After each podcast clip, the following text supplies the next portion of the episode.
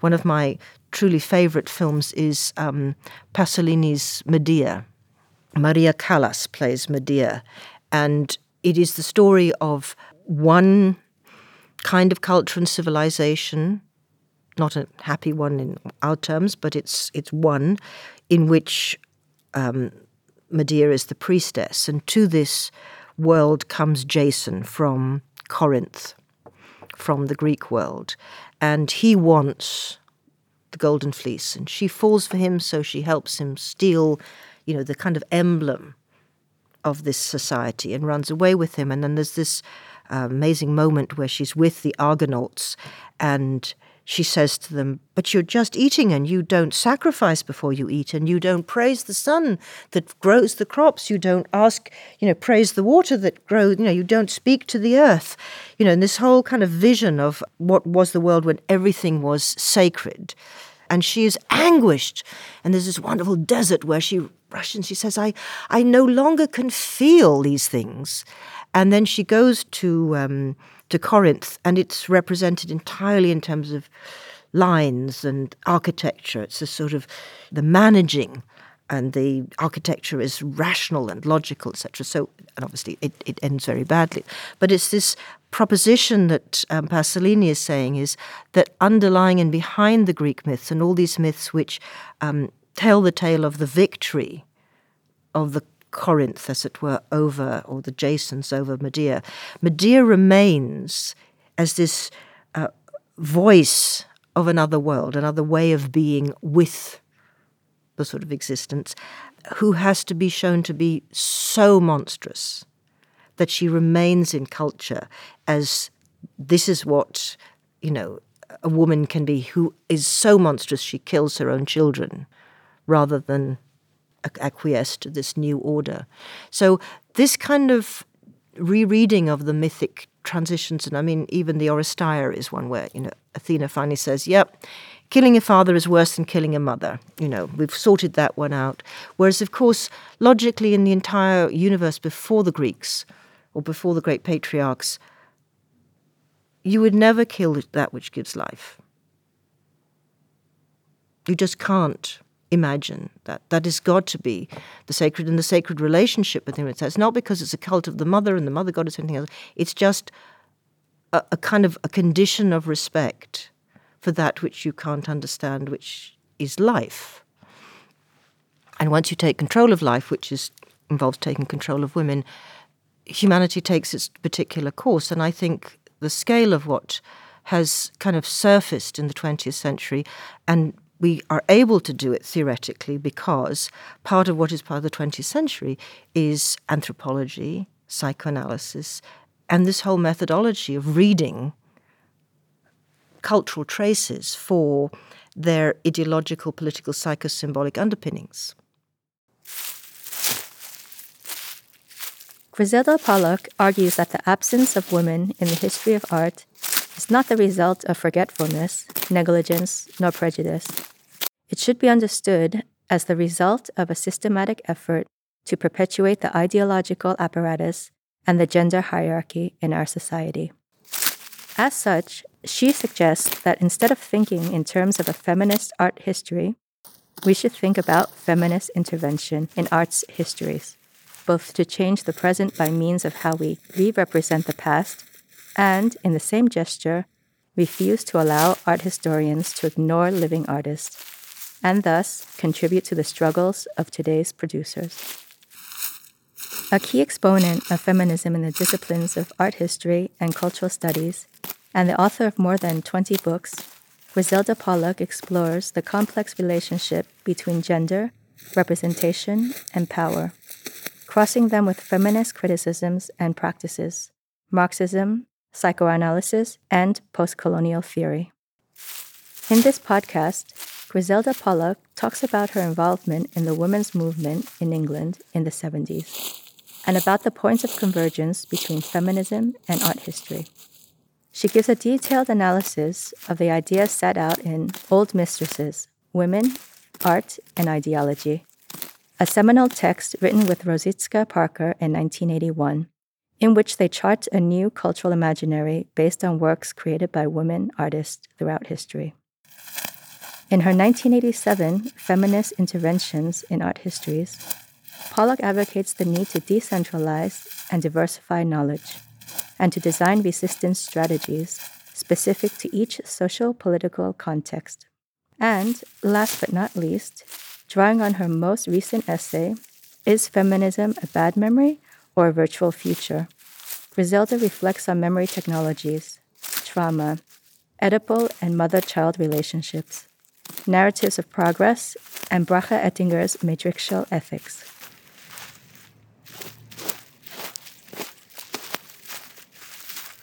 Let me start by taking us back because I went to university around 1968, which is now half a century ago. So, although these things have a pertinence now and people are interested again in certain kinds of elements of feminism, and there's a, a feeling that this is a, a debate that is coming back. When I go back 50 years, I have to remind everybody that I knew nothing. I really didn't. I was a student of history in a very traditional university teaching us very traditional things. But in the summer of 19 or the spring of 1970, a group of women historians in Britain organized the first Women's History Conference at this university. And like many students at this time in 1969 70, uh, we, even we at Oxford were occupying an administrative building around one of the many things around which students protested.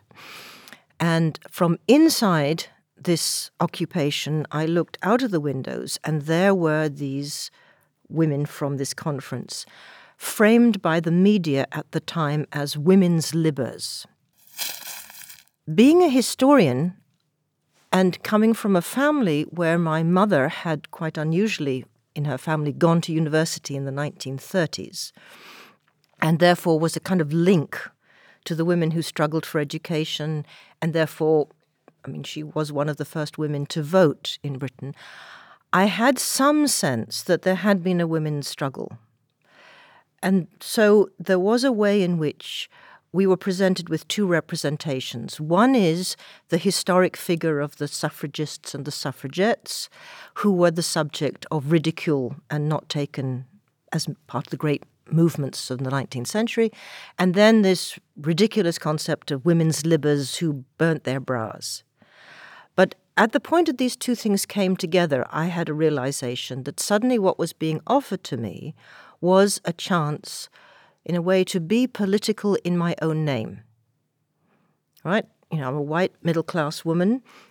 You know, I, I could identify with the left and, you know, become a socialist and engage in that struggle. But here in the in the women's movement was a possibility. But what was it? Right? So if you take it very slowly, I leave university, I go to London, there's some little piece of paper that you find somewhere which says these are the groups of women that are meeting at the moment. There's a little office, one office at the centre of London, which was producing by these old fashioned machines information. So there's no internet, there's no, oh, where should I go and find? There's no form of communication. But you look on this list of groups and you find a group that is near to where you live, or maybe it's a group that says it's interested in history, whatever. So I go to a women's group. And the main mechanism at that point was we have no theory, right? We have some bits and pieces we can draw from Alexandra Kollontai, or we can call on Simone de Beauvoir, or we can look at Betty Friedan, the Feminine Mystique. But there is no explanation for what this movement is. It is just women coming together, and the crucial uh, methodology was consciousness raising. So most of the groups you would join were women, and then you sit in a circle and you would talk about your experiences in ways that nobody had ever asked you to talk about your experiences before. And of course, when you talk about experiences like as you do and sometimes in analysis, you suddenly think, oh, that's interesting. Oh, I hadn't really thought about that because things come out. But then you find that the things that you thought were just your unique idiocies or sufferings or oddities are echoed in different ways as you go around them. So you discover a structure, an order. So it's extremely important because I find when I talk to younger students and they say, you know, what was feminism like? And were the feminists arguing with the Marxists? And you say, there was no such thing as feminism. It was a vague term from the past. You could use it. I would have identified myself as a feminist because I was a kind of teenager who had some sense of this history of the 19th century, but that was not a contemporary term. We were in the women's movement, so we went to groups. The next level was to go to a conference. So the, in Britain, the women's liberation movement had a national conference. So you went from maybe 10 or 20 to 300 or 400, and immediately there were all sorts of complications. There were the women with children, and the rest who said, Why do we have to sit in a room with children making a noise? Right? There were the lesbians against, you know, the straight women. There were issues to do with black and white. There were issues to do with left and right and all the rest of it. So it's a wonderful cacophony and chaos of trying to begin to make sense of something that's in the process of happening without any model if you were in the international, if you're in the Trotskyist groups, if you're in any of the left groups, you have histories and you have organizations. And the women's movement was anti hierarchical. So there was no kind of be, you know, Madam Chairman and Madam Secretary and minutes and organizations. So it's a creative sort of soup and chaotic coming together. And in the midst of this, which I think is relevant, uh, through this small leaflets and information, um, there was a, a, women's magazine called Spare Rib. It came to my notice that an exhibition of art by uh, a Swedish artist called Monica Sjöö, S J O O, with two dots over each, had been threatened by the police with closure because it was obscene on the basis that it had shown a woman giving birth and they had called a meeting to protest to get support for this. So it was at that meeting that I found myself in the room with, with people specifically interested in art. And that's where I met Rozsika Parker. And with three or four other women that we were at this meeting with, we decided we too could form a group. Right? So this whole network of little groups and all and very much coming up from the grassroots led us to form what we called the Women's Art History Collective. And they were artists and designers. Um, Rosie Parker had studied art history but was now a journalist. And then there were three or four of us who had been art historians. Uh, I would say it was a 50 50 between artists and art historians. And we were clear that neither in the art world nor the art history world were we finding any recognition of women. So by this stage, I have been from university, I've been doing my MA in art history, and I have had a, a degree in 19th, 20th century art without reference to a single woman, except once. And at the end of one of our uh, courses, we had a test to see how many artists we could identify. And we were very ambitious. We were very good students. We identified 90% of the images, and then there was, at least 99%, there was one we couldn't identify. We could date it, we could describe its style, we could lick, situate it, we could do everything. And then the terrible shock came to me when they gave us the name that at no point had I searched my memory for the name of a woman. Now, this was Suzanne Valadon, and I had this moment of revelation. If she is there, who else is there?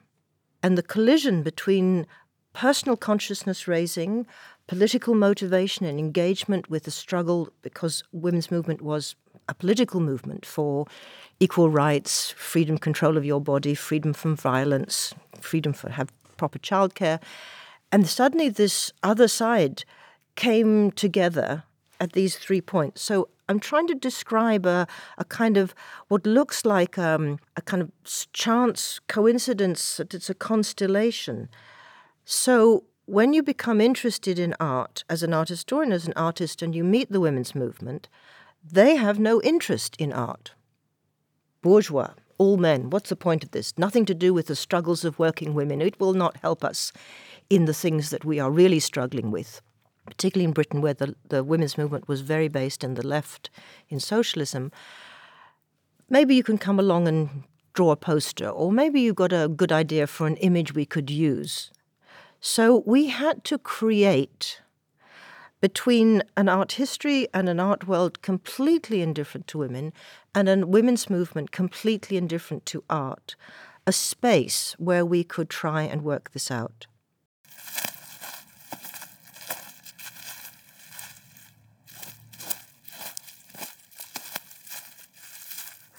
So it's in that context that Rozsika Parker and I, when we had done the kind of consciousness raising with the, in the collective, we did all sorts of work. We developed a course. We took it to, you know, adult education. We took it to art schools. We tried it out. We risked being. Um, you know, go to art schools, there are loads and loads of women, but then there were all these men in leather jackets round the back policing this idea. While this strange wild bunch of women got up and said, you know, there have been artists, and here we've got the information. Every, you know, there are these are the statistics about discrimination, and these are the questions about representation. So those three things: have women been artists? What is the institutional response to this? And how is the issue of representation of women playing into it? So you can already see the configuration of uh, a kind of complex form that will become what then Rosie and I sat down over two years and wrote as Old Mistresses. But the question we asked when we were writing Old Mistresses is why should we write this book? Because Linda Nochlin had written Why Had They Been Great, Great Women Artists.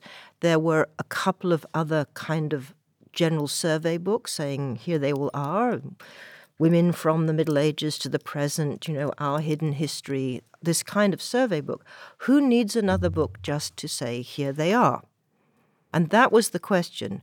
What was it to introduce something other than the attempt to restore the names? And one of the things that drove me in thinking about that, which I now recognize more in retrospect, which is important, which is a very considerable number of the women that we appear to be rediscovering were more or less alive at the same time. So, how could an art history or a museum collections or the study of art have produced a situation in which my contemporaries, okay, maybe 20, 30, 40 years older than me, had existed as part of the movement in Cubism or Surrealism or Abstract Expressionism or whatever you wanted, and they never told us about any. They had as if they had been erased. So, this idea we were rediscovering, people, if I'd only known, I could have interviewed them on the spot. But we didn't know what to say because we hadn't got a study of the 20th century which understood that men and women co created modernism. That was take us many years to work out. So, the final point I want to make in answer to this particular question is, of course, nowadays it's very normal to study contemporary art. But in the 1970s, you had a very clear division between um, dealers' galleries, um, critics of certain kinds of exhibitions at big museums.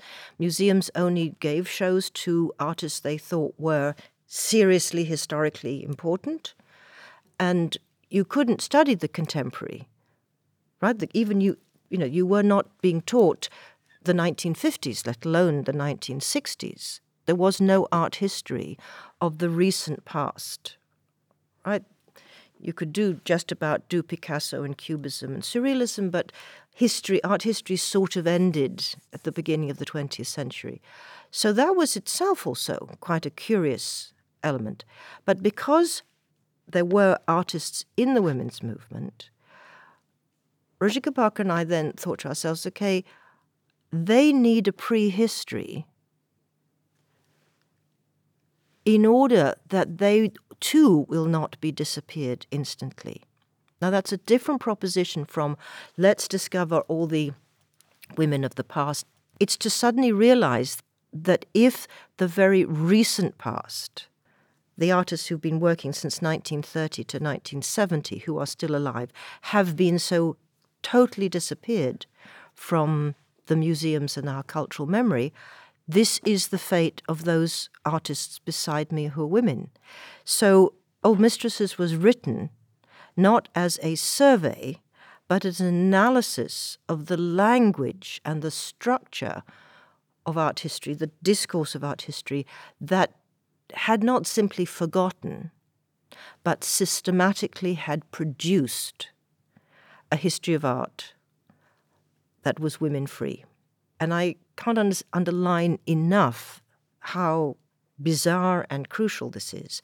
We try to think the moderns are going forward, but they're not. It was the modern museum, the modern art historians, the people who set up the courses in art history in the universities and the museums of the world, who actively created a mythology that art is only created by men in the face of evidence evidence of the women that they saw sitting side by side. You see Rodchenko, you see Stepanova, right? They're just there, right? Everywhere you would go in the 1920s and 30s, you would find men and women working side by side, making contemporary, modern art then.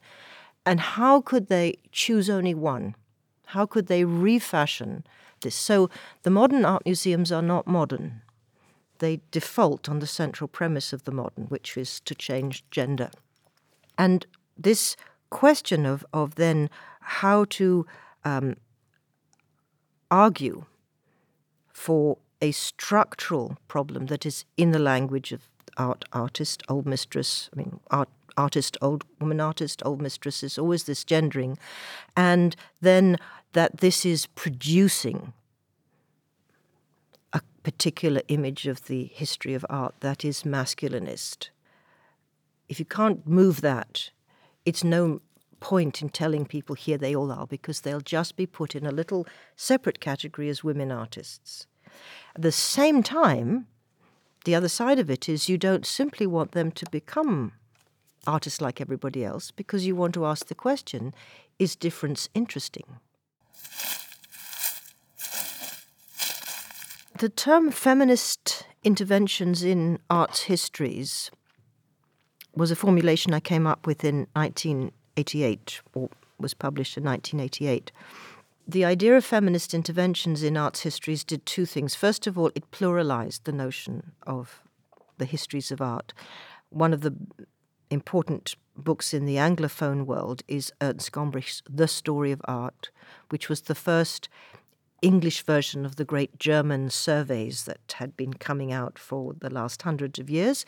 Gombrich, as an exile coming to live in Britain, commissioned by Phaidon. We have no overview for the English public of the history of art. So we have the story of art, and of course, at the point at which I was raising my feminist questions was also the point at which the civil rights movement in America, decolonization, and ultimately what we now know as the post colonial and the queer movements were saying, uh, the story, whose story, right? And this question of writing some definitive story had been raised. So just simply adding women to the definitive story of art runs into all the problems I've identified, but also it reinforces the Eurocentrism. Absolutely. So there have to be other stories, there have to be several stories, and they have to take on board that you cannot centralize the point of knowledge where the notion that knowledge is situated does not mean that it's disqualified from being knowledge, right? This idea that only objective knowledge is knowledge actually is a cover for a universalizing one point of view. The minute you recognize that your perspectives on the world are shaped by your class, by your uh, ethnic identity, your religious history, your uh, cultural things, the languages you speak or don't speak, the places you've lived, and all these big structures, you then have to take responsibility for those. They do not simply become a permission to be as racist, classist, sexist as you want. They are to make you ethically aware that every step you take that may seem quite straightforward to you might cause hurt or might ignore something, might be blind to something else. So, what I call situated knowledge is this um, ethic of awareness, both of the necessity to decenter yourself, not to take yourself as the, the norm from which the rest of the world is perceived, to ask, as Gayatri Spivak says, who is the other woman? How does she see me? What kind of blot am I in her landscape? But at the same time, you're also saying difference is interesting. And the women's movement and feminism is caught on this agony between we wish to get away from a patriarchal construction of femininity, which is negative and repressive and all the rest of it. But if we're trying to get away from that, do we want to disown everything that is to do with this? And the great debate in the women's, the feminists world now is between the gender theorists and the sexual difference theorists.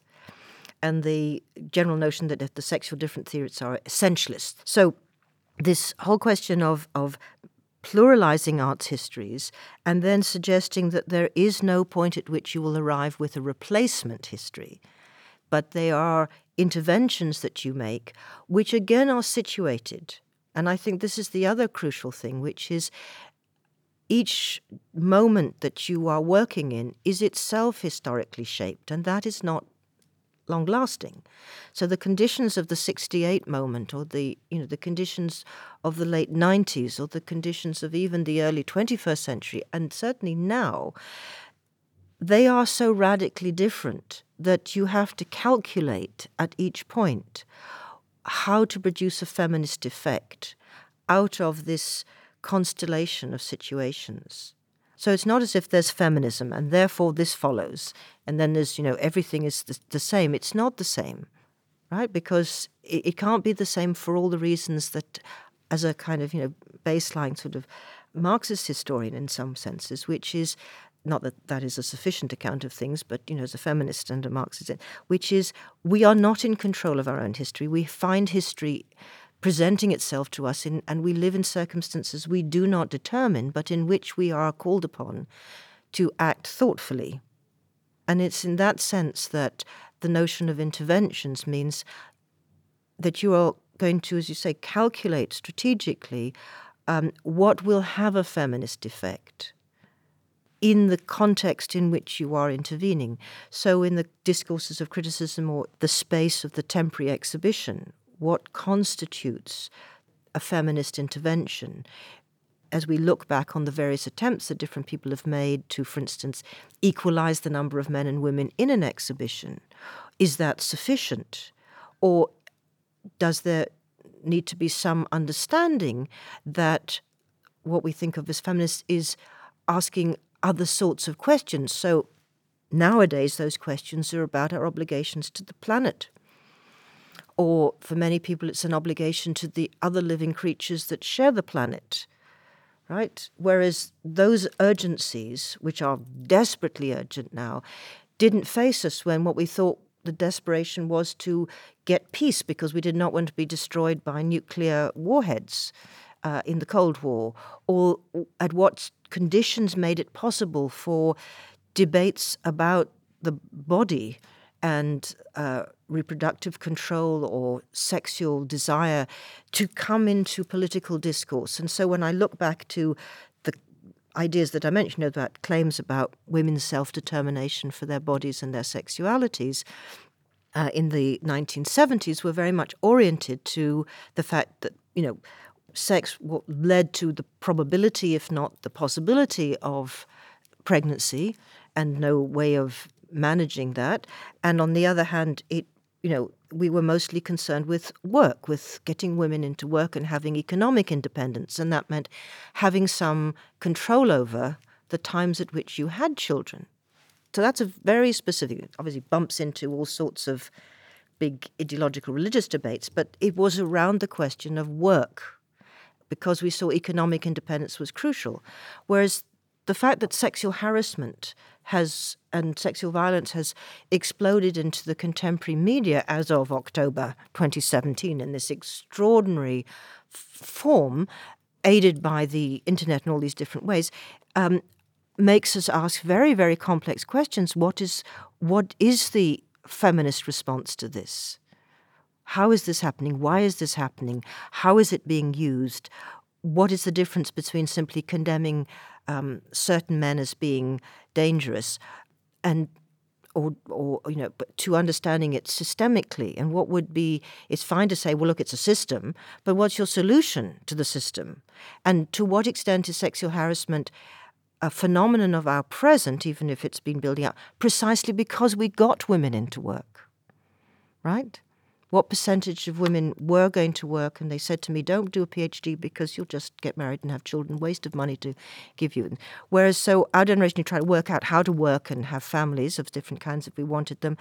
Now you have a condition where the vast majority of young women anticipate working, right? So they are in these workplaces and obviously the, the entertainment industry has always been a very highly sexually exploited place, as indeed the theatre was. I mean, the casting couch is a very, very old concept and based on power, but it's not just based on power and women at work. It's that one is particularly based on what it is you have to be to sell yourself to those industries right? There's, a, there's there's another level of it in terms of what the actress is, how thin she has to be, you know, what dedication to this, like the famous line in in Notting Hill. Uh, where Julia Roberts tries to win the brownie, that they're all around a dinner party and they get the brownie for the worst experiences. And she says, and they all have terrible experiences. And she says, What about me? And they say, Oh, you're a movie star. You earn millions of dollars. She says, I haven't eaten in 12 years. Right? So what what's going on there. But when you now find sexual harassment claims saying, okay, the, the cleaners, the technicians, you know, the secretaries, everybody, then is the world responding to this saying, yes, this is not just sexism, this is about a patriarchy where all these layers are coming together and they link up with pornography and they link up, you know, with this. But it's because women are in work, it's happening whereas that wasn't the issue. We were concerned with, with rape and just you know, street violence. And that's, I think, a very interesting sense that history changes under your feet. And so feminist interventions have always to be calculated strategically in relation to the complex situation. Well, the idea that um, feminism has a bad memory or is a bad memory it's a bit of a joke. Okay, so in one sense, is feminism a bad memory? So people say, oh, thank God it's all over, done with now. Okay. Or is it much more serious for me, which is a failure of the way in which we remember what has happened to be adequately feminist. So going back to this feminist, the strategic analysis, what is the feminist effect of creating um, a history of the last 50 years in terms of waves and generations, which are the two paradigms. Waves, um, ha- people have different values. I think of waves as coming and then washing away and coming and washing away. Other people are thinking of waves as constantly coming, so there's always the new depends on how you read the ocean, as far as I can see here. Uh, I'm into the negative vision, which is that the, the water comes and then it, whatever you've written in the sand is wiped away and it, you know, just is in cycles. The moon changes, all the rest of it. I think it's a very problematic thing. It's problematic because also the notion of the second wave, which is a term that came to be used as a magazine in written by the Americans in the 1970s, was an act of solidarity which invented and reclaimed the suffrage and suffragette movements of the 19th century that campaigned for the vote. They claimed it retrospectively as a precedent, and in the same moment argued that it was unfinished, and we need to extend that project beyond emancipation and education. We have to have control of our bodies, control of our sexualities, support for whether we make a choice to be a mother or not, and have fuller access to work.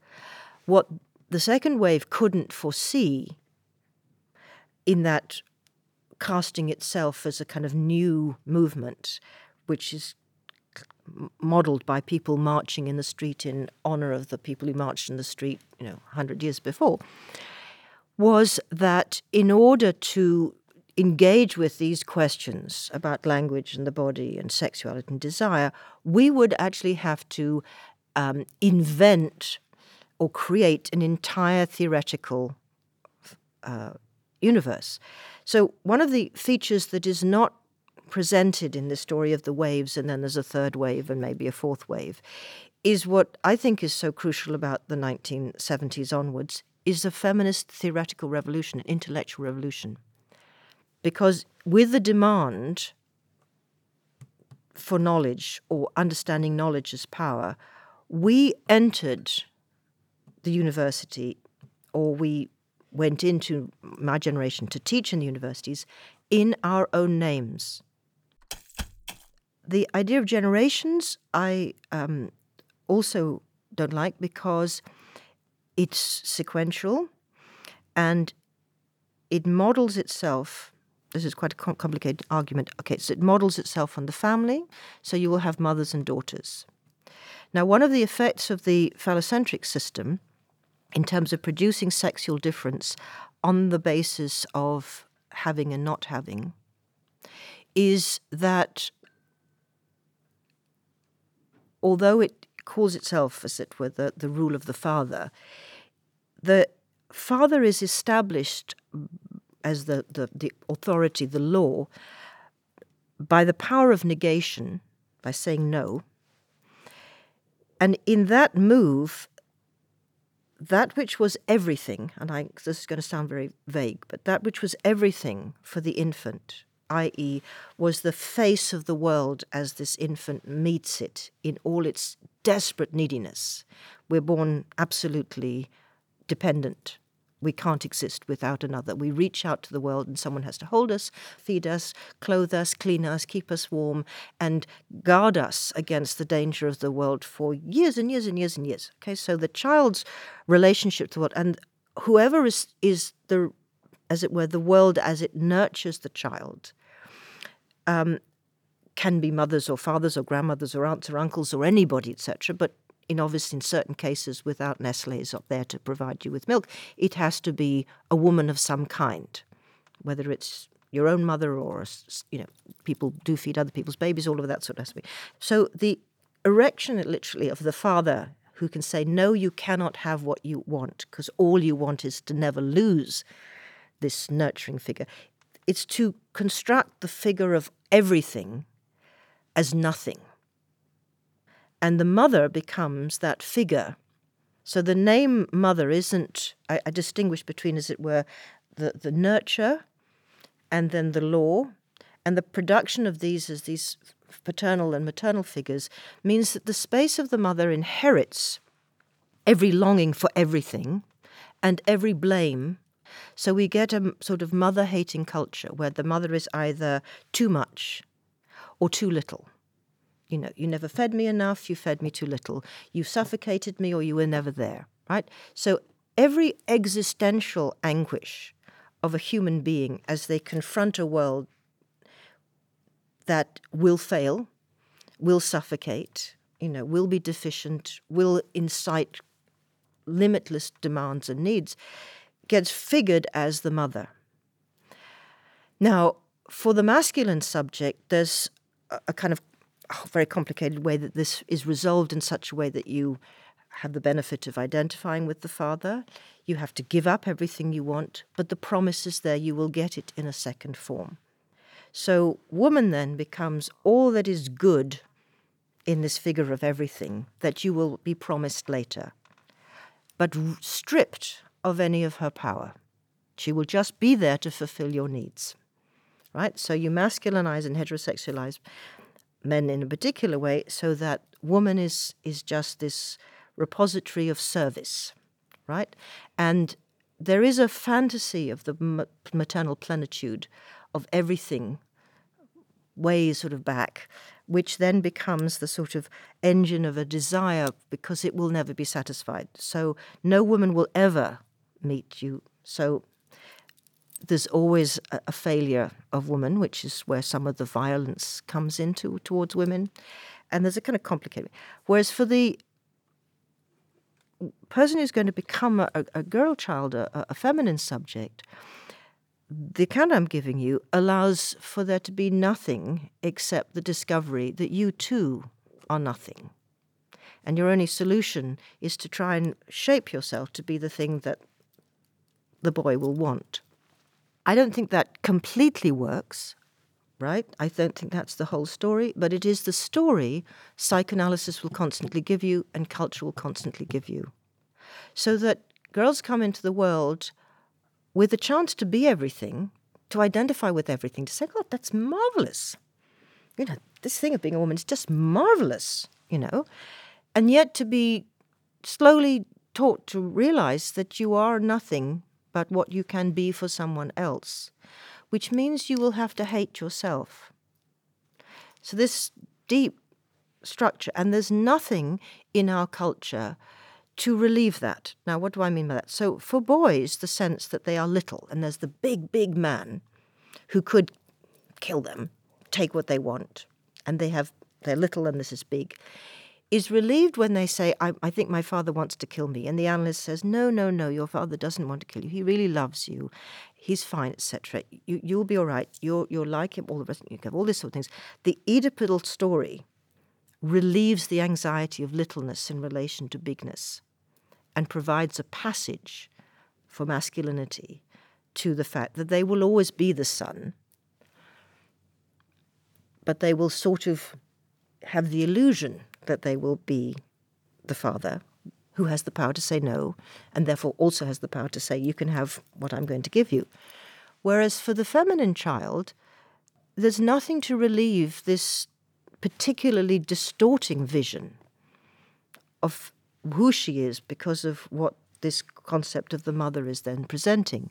So we have so much history of the anguished relations between daughters and mothers you know, obviously some people do have lovely relations. This is true, but in sense, but in in cultural terms, you look at the the stories, you look at the representations. Um, they are constantly, in a sense, uh, um, a way in which the, the, the mother is blamed for everything that fails or is failed. You know, you, it's it's a most peculiar position to be in, and there is no defense you can mount against it because rationality doesn't stand in it. So there's this terrible psychic damage which is done both to women who have children and have daughters and the daughters who, who uh, their, their, their lives. I think it can be relieved, which is why I'm so interested in the work of Bracha Ettinger, because she dares to say, what if this isn't the only story? So, again, going back to feminist interventions and different stories, what if this isn't the only story?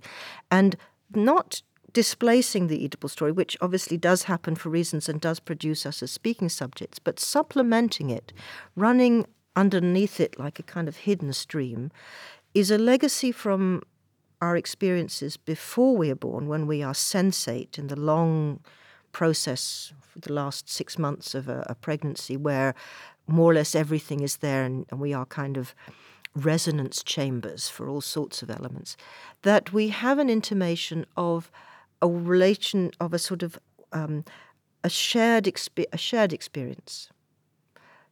For the mother, it's a shared experience that there's something else. For the child to be, there's no cognizant system, but there's a, a sensations of the sound of a voice, the rhythms of a movement, being moved when you don't move, the heartbeats, the two heartbeats, all these sorts of elements of it, which we now know from all sorts of stuff that this is remembered in some way, it is impressed on the system. But that becomes for Bracha a model which therefore doesn't imagine that you know you uh, are expelled from the womb, and then you are expelled from the breast, and then you face this terrible, I'm going to be mutilated or not mutilated, unless I kind of, you know, mortgage my soul to this Oedipal system that's all based on separation and then this annihilation of the mother. It's that there is always been an, a kind of a co emergent other. And there are always events which register for me in one way and register for the other person another way, but they are shared events. So it's a whole, particularly, it's, it's not nice in the sense it's not cozy symbiosis. It's very susceptible to violence, if you know all sorts of things going on, etc.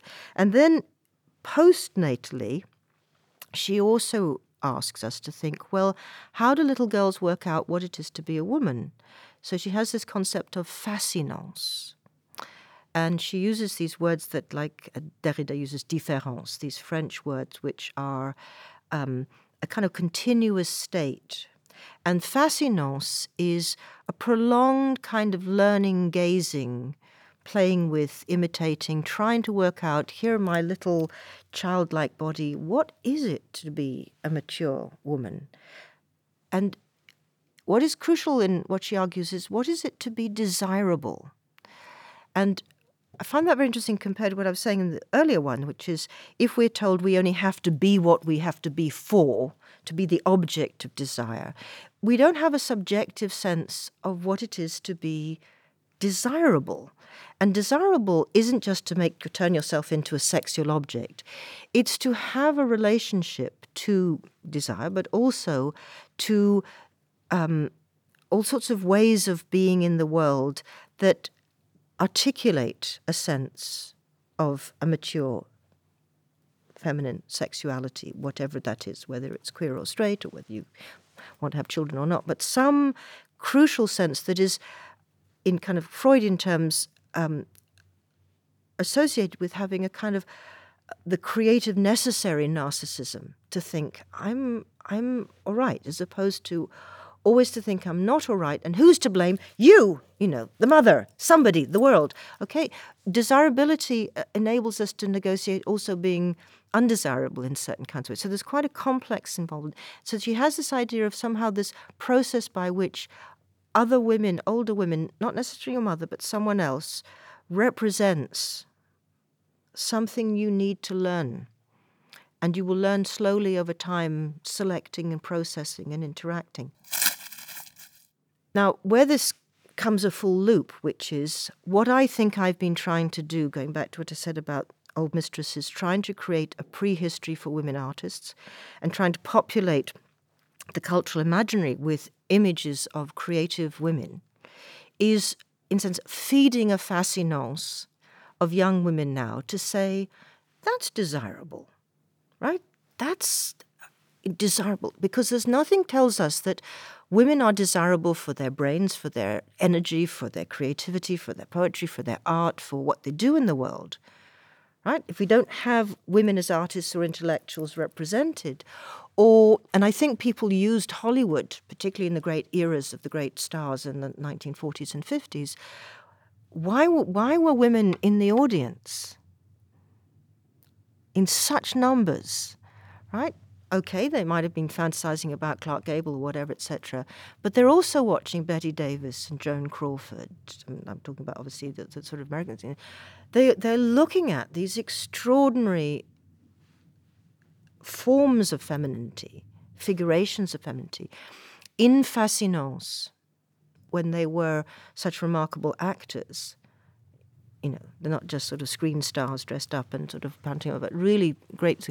That they and they were often telling these really fascinating and complicated stories. So melodramas, for all their kind of anguish, are the, the sites of explorations of processes involving women's lives and things.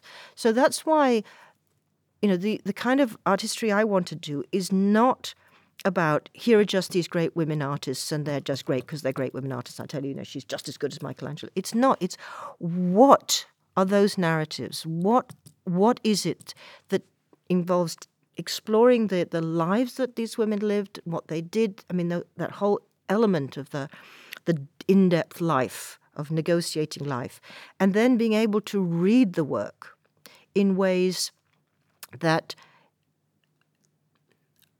bring out from the art that is made, in a sense, in a very simple sense, the things that matter.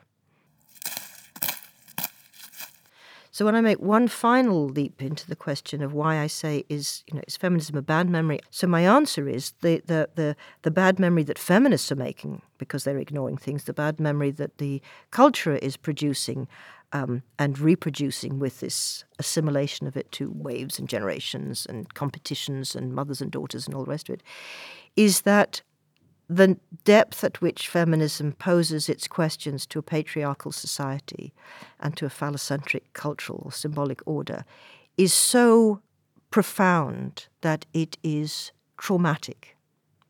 So feminism has happened, but actually, the um, meaning of it is I mean, trauma is that which you can't digest. So you know something has happened, but you don't know what has happened, and you have no access to it as a memory.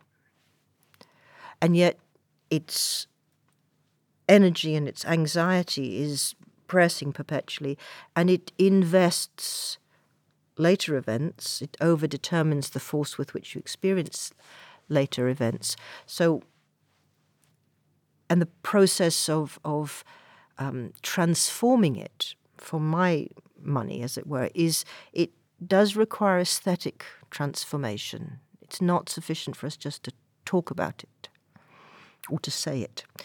Historical accounts will not have enough affect to capture this, what I'm calling this intensity. So I can give an account, I hope is intelligible, of some of the things that I think are not part of this cultural memory, are not happening when we think of successive waves, which are just we got we got tired of you, and we have to say you didn't do this. You you know the second wave didn't do this right. It didn't do that right. It wasn't this. It didn't do it. So the third wave is going to do something better, and then there's going to be a fourth wave because they don't like what the third wave. You know all of this is a completely destructive model of a history for women because each one is situated but incomplete. So the component, so if we've got a problematic of the memory, we have a sense that something is overwhelming us that we can't even digest it, including women, including feminists, including the culture as a whole. But we have to have the promise of its virtuality, which is to say, whatever has been is not an entity that could be washed away and something else come in its place. These are moments, actualizations of elements of its in, incommensurate, incomprehensible, transformative challenge.